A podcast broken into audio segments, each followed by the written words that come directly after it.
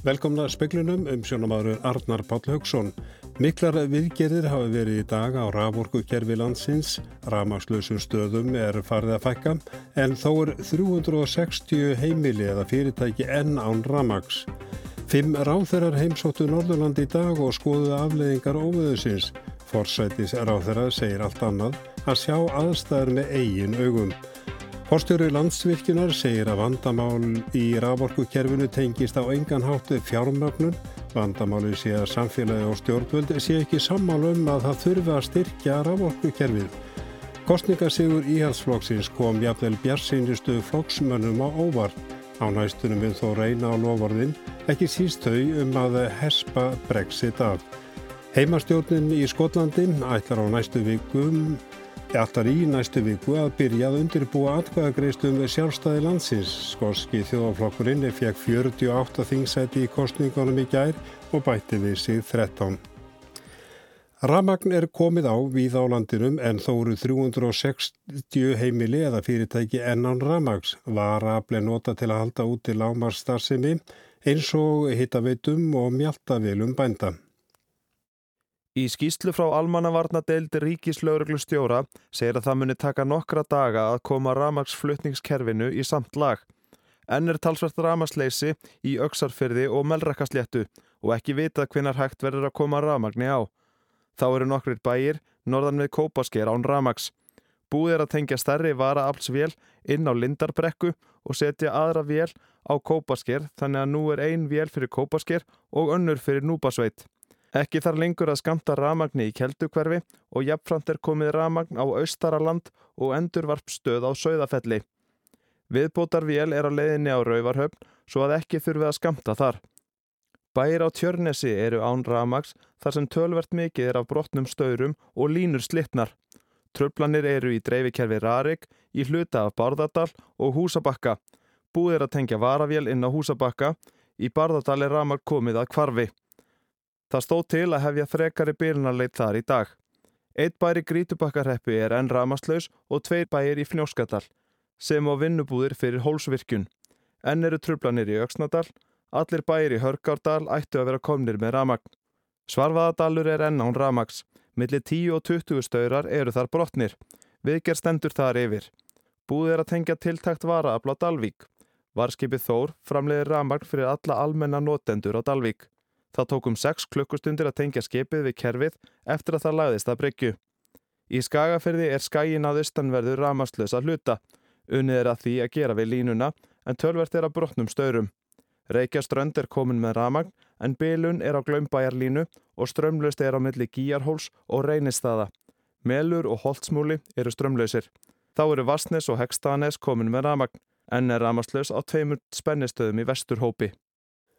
Bjarni Rúnarsson saði frá. Katrín Jakobsdóttir forsættis ráþurra fór í dag á samt fjórum öðrum ráþurum norður í land og kynnti sér aðstæður á þeim svæðum sem vesturði úti óveðrunu. Þau heimsóttu Dalvik, Fjallabigð, Sauðarkrók og Kamstóngan. Forsættis að það segir allt annað að sjá ástandi með eigin augum en að heyra skýslur á fundum. Ég staðin er auðvitað svo að það mun taka nokkra dag að koma öllu í samtlag en þetta er auðvitað þannig að það er allt annað að sjá ástandi með einu augum heldur en að heyra skýslur á fundum. Uh, maður átt að sér líka á því hversu miklu það hefur til dæmi skipt fyrir Dalvíkinga að fá varskipi hér og rafmagni komst á hér undir morgunni í morgunni í nótt uh, og auðvitað mikil fyrirhyggja sem fólst í því að, að hafa slíkan búnað. En þetta er auðvitað eins og við sjáum hérna það sem unnið er að viðgjörum, þetta er ekkit smá verkefni sem blasir við okkar viðbrastæðlum og þeir eru auðvitað búin að standa hérna vaktinu sem er hverju sólaringu saman án þess að unna sig kvildar. Þannig að það er auðvitað risastort verkefni og maður átt að sé betur á því af hverju það tekur smá tíma að koma þessi lag. En þetta er líka er mikilvægt innleg. Ég er hérna á fermi formanni átagsóps stjórnvalda sem ætlar að fara yfir hvaða aðgjörnum við þurfum að forgangsraða til að tryggja betur okkar innviði. Þannig að það er auðvitað mikilvægt að sjá þetta allt með einum. Þetta var Katri Jakobsdóttir stödd á Dalvik í dag. Þórtís Kolbrún er gilvadóttir innan nýsköpunar og ferðamálar á þeirra segi dæmum að ítla við gengi eða afla tilskilina leifa fyrir framkvæmdum landsnets þrátt fyrir að þær séu áallun og fjármagnar. Hún skrifar á Twitter að það sé upplöfun hennar að ákveðin hluti landsmanna átti sig ekki á því að innviðir í öðrum landslutum séu lagar en á höfuborgarsvæðinum Hún seg, segist í fæslunni telja að allir séu sammála því að innviðir eigi að vera sterkir allstæðar. Þeir eru ekki jafn sterkir allstæðar, hvort sem að við ræðum rástakerfi, vegakerfi eða svona aðra innviði. Það er sammeilegt verkefni fyrir okkur að, að því við verum tölum um raunverulegt frelsiti búsutu og, og, og svona tækifæri allra hvort sem það snýra aðtunauppbyggingu og öðru að þeir innviðir séu sterkir allstæðar. Við vitum auðvitað líka alveg um dæmi að landsnett til dæmis um, hefur ekki geta farið í þær framkvæmdir samkvæmt áallunum með það fjármaksum þetta staðar vegna þess að það hefur gengið ílla að fá tilkynni leifi og komast áfram með það. Ekki sé þetta að setja alla strengi í örðu. Og til þess að geta verið með stert kerfi, stert yfir landið, að þá þýðir það að það þarf að fara yfir slönd. Það er nú bara það sem fylgir því rétt eins og vegir Þetta eins og línur og vegir er á höfuborgarsvæðinu á mörgum stöðum þar sem margir væri til í að væri ekki en það er það samt að því það þarf. Þetta var Þórtís Kolbrunn Reykjörg Gilvardóttir í sítegis útvarpun á Rástvöm og rætt verið við Hörða Arnason fórstur á landsfylkinar um landsnet síðar í speiklunum. Lík Leifs Magnúsar Gretasonar Tísland sem fjall í Núbá einst í eigafyrði í fyrra kvöldi fannst í dag Fram kemur í tilkynningu frá lauruglunni á Norðurlandi Eistra að löstutur háti hafi áhöfnið þyrlu landhelgiskeslunar tilkynnt að lík hefði fundist í áni. Leitið verið hægt og þakkar lauruglustjórun á Norðurlandi Eistra öllum sem tóku þátt. Aðstandendur Leifs Magnúsara hafi verið upplýstir sem á norska sendir á, á Íslandi. Nikól eh, Stöðsjón, fyrst í ráþæra skosku heimastjórnarinnar, segir að strax í næstu viku verði hafist handa við að undirbúa atkvaðagreislu um að skotar lýsi við sjálfstæði. Flokkur hennar jók fylgi sitt umtalsvert í þingkostningunum í gær sem hún segir að lýsi vaksandi fylgi við að Skotland verði sjálfstætt. Skoski þjóðarflokkurinn fekk 48 þingmenn kjörna í gær, bætti við sér 13 og er þriði fjölmennasti flokkurinn á breska þinginu. Nikola Sturgeon sagði í dag þegar hún ávarpaði stuðningsfólk sitt í Edinborg að þessi útkoma styrti umbóð flokksins til að bjóða skotum að velja hvort þeir verði áfram hluti af Breitlandi eða stopni sjálfstætt ríki. Ákvörðunin um að efna til atkvaðagreðslu um sjálfstæði séu höndum heimastjórnarinnar en ekki breska þingsins í Vestminster. Því ætli heimastjórnin strax í næstu viku að leggja fram áallunum hvernig staði verðið að slíkri atkvaðagreðslu með löglegum hætti. Given the verdict of the people of Scotland last night, the Scottish Government will next week publish the detailed democratic case for a transfer of power to enable a referendum to be put beyond legal challenge. Íhaldsflokkurinn tapaði sjö þingsætum í Skotlandi í kostningunum í gær. Nikola Sturgeon sagði að í ljósi þess hefði Boris Johnson engan rétt til að ákveða framtíð skota. Svo ákvörðun var í höndum þeirra sjálfra. Ásker Tómasson sagði frá. Fjörðabegði treysti sér ekki lengur til að reyka rafvitu reyðarfjörðar og ætlar að selja hana til Rarik og orkusölunar fyrir 570 miljónu króna. Bæjarstjórinni segi viðbúða kostnæðarveitunar hefðu aukist á næstunni. Rafveita reyðarfjörðar var stopnuð árið 1930 um virkun í Búðará. Í tilkynningu á vef fjörðabyggðar segir að rafveitan framleiði sjálf aðeins 5% af því rafmagni sem hún selur. Afgangin eða 95% þurfi hún að kaupa á heildsölumarkaði.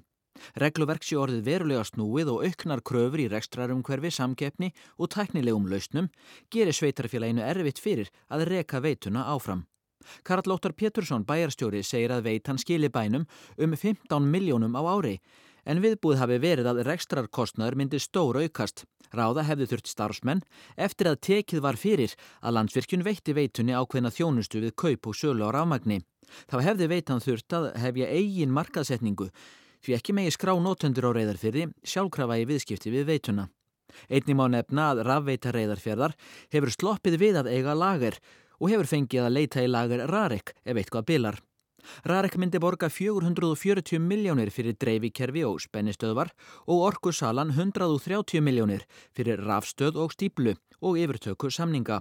Karl Óttar gerir ráð fyrir að af þessum 570 miljónum myndu 160 fara í skatt en 410 miljónir færu í íþróttahúsáreðar fyrir og fleiri samfélagsverkefni í bænum. Rúnarsnæri Reynisson sæði frá og íbúafundur þetta mál verður á reyðarferði klukkan 8 á mánudagskvöld.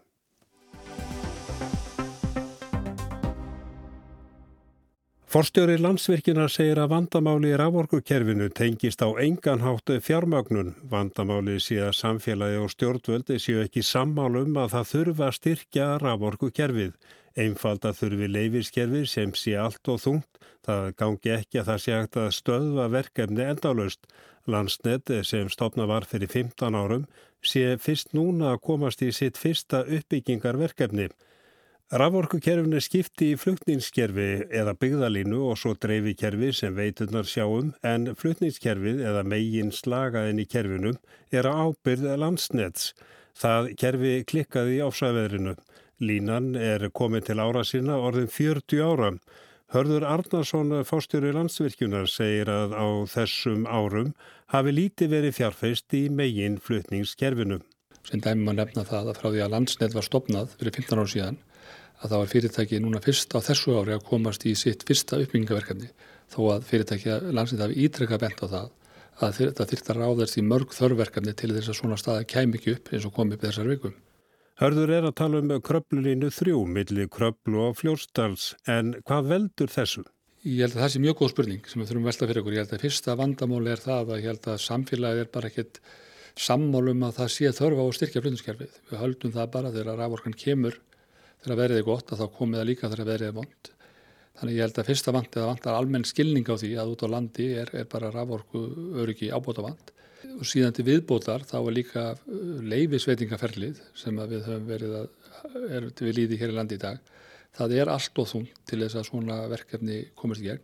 Þá er ég að segja að við þurfum að hafa ferlið sem að tryggir hagsmunni íbúana og tryggir umhverjusjónamenn en það að það sé að stoppa verkefni endalöst eins og raunin er í dag að það, það, þá kemur upp stað eins og við erum með í dag. Veistu hvernig á að leysa þetta?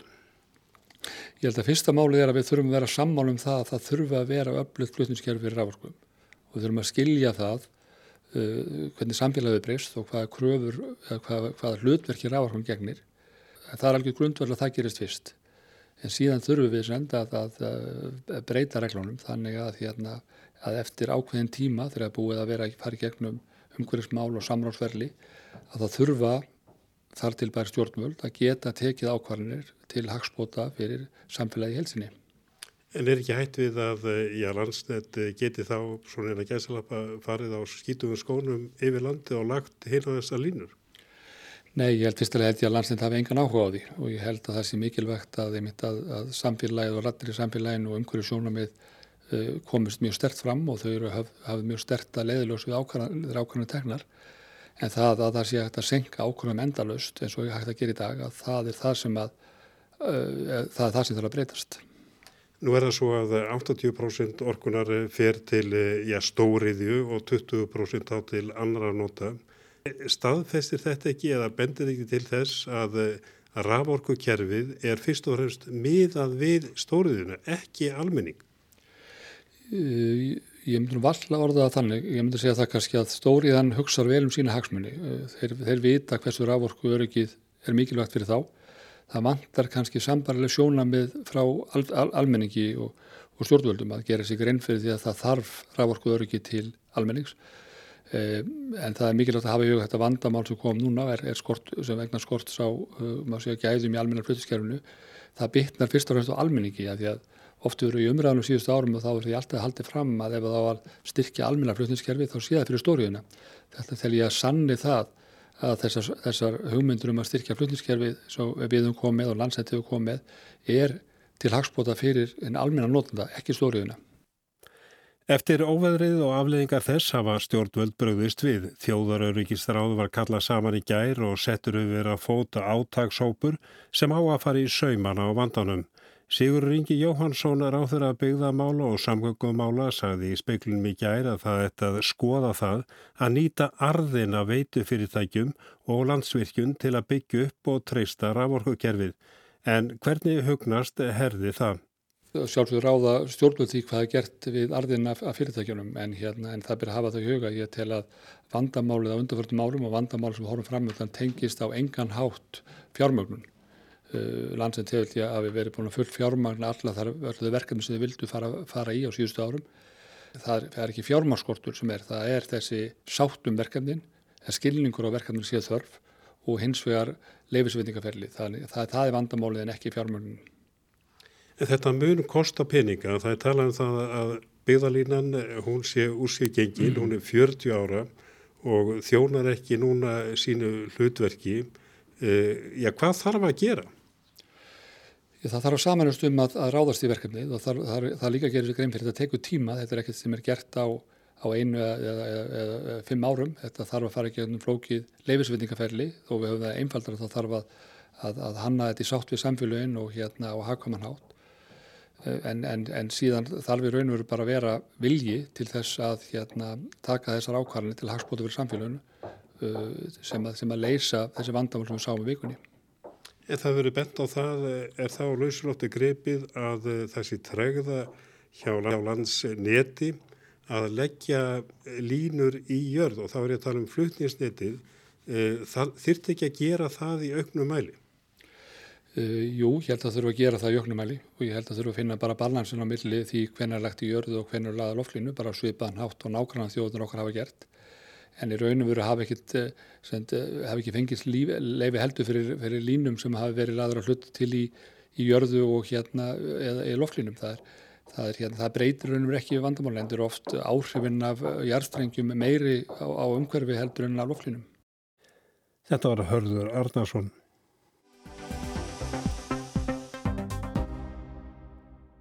Skýrarlínur. Það er útkoman úr bresku þingkostningunum í gær.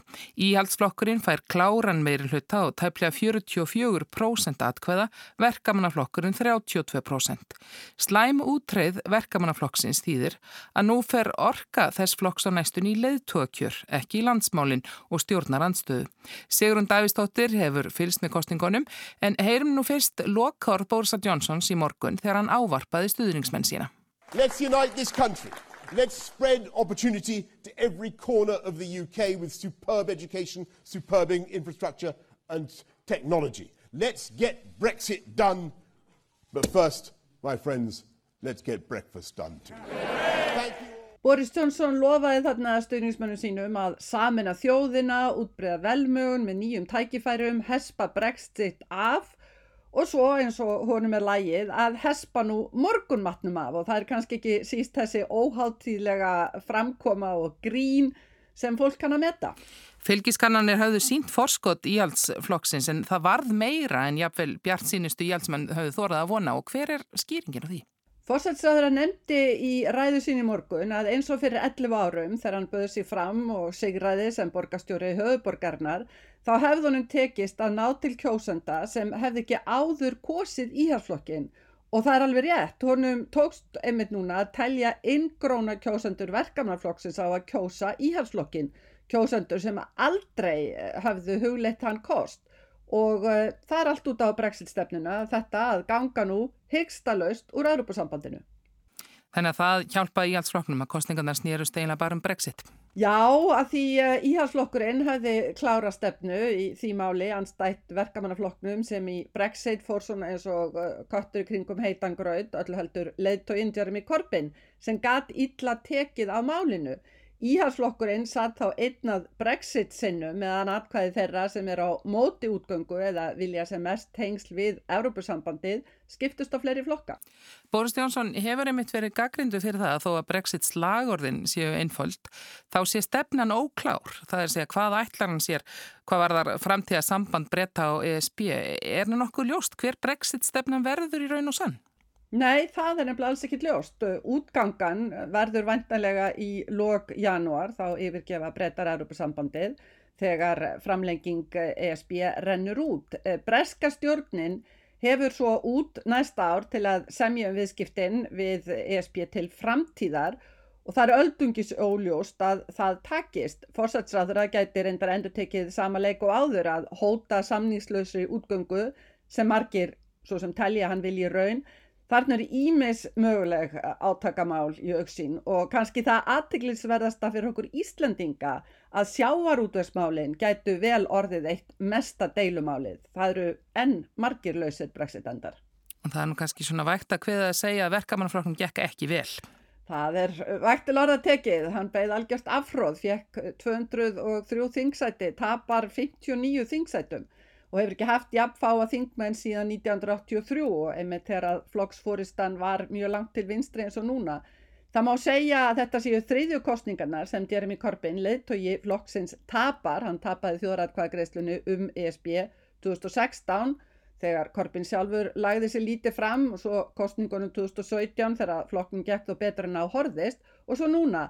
Vandi verkamannaflokksins núna var leittói sem hafi mist aðdráttaraflið og óklár brexit stefna í viðbót við stefnumál sem einhvern veginn náðu ekki gegn. Og leiðtóa kjörið á þá vantilega eftir að snúast bara, ekki bara um leiðtóa heldur líka um stefnu og bara hvar flokkurinn ætlar að staðsetja sig, hvort það verður jafn langt til vinstri og hefur verið undir korfin. Einmitt, það er uh, án ef að mjög hörð barátt í uppsiklingu korfina og marga anstæðinga í flokknum og margir þeirra hafa verið mjög ómyrkir í máli í dag.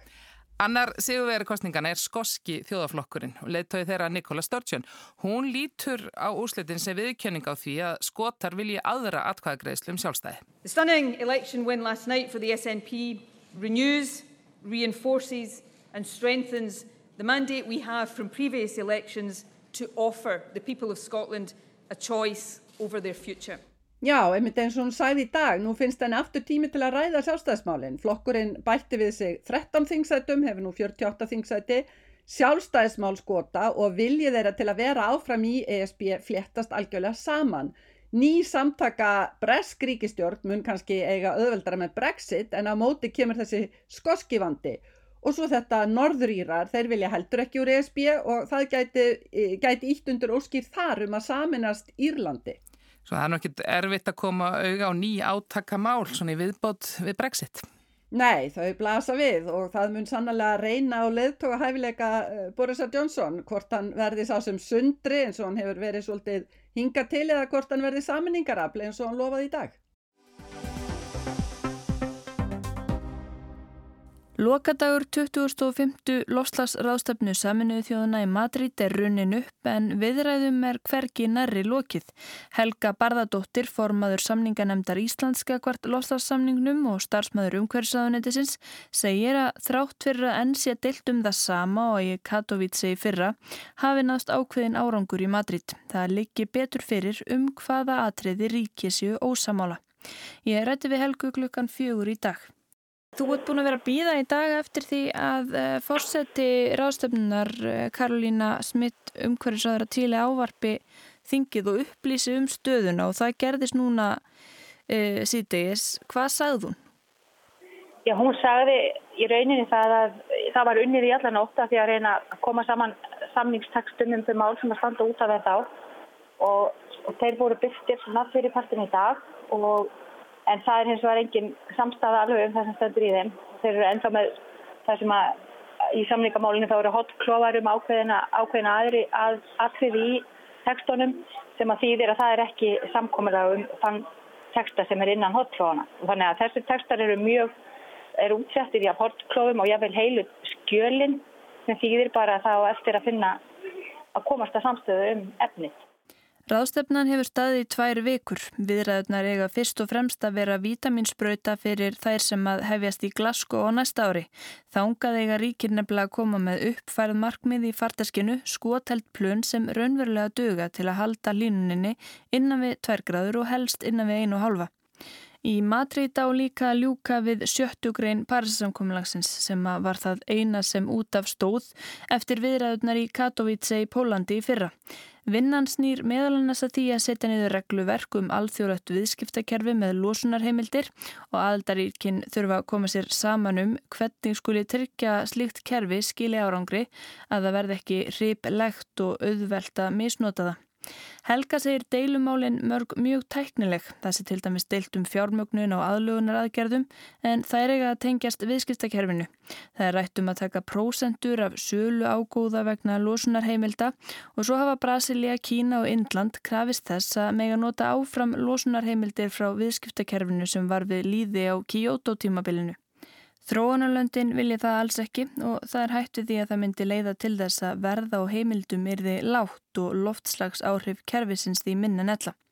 Helga segir að hugsanlega verði málum miðlað með því að leifa ríkunum að færa hluta heimildina yfir í nýja kerfið. En hefur í raun eitthvað þokast frá því í Katowice?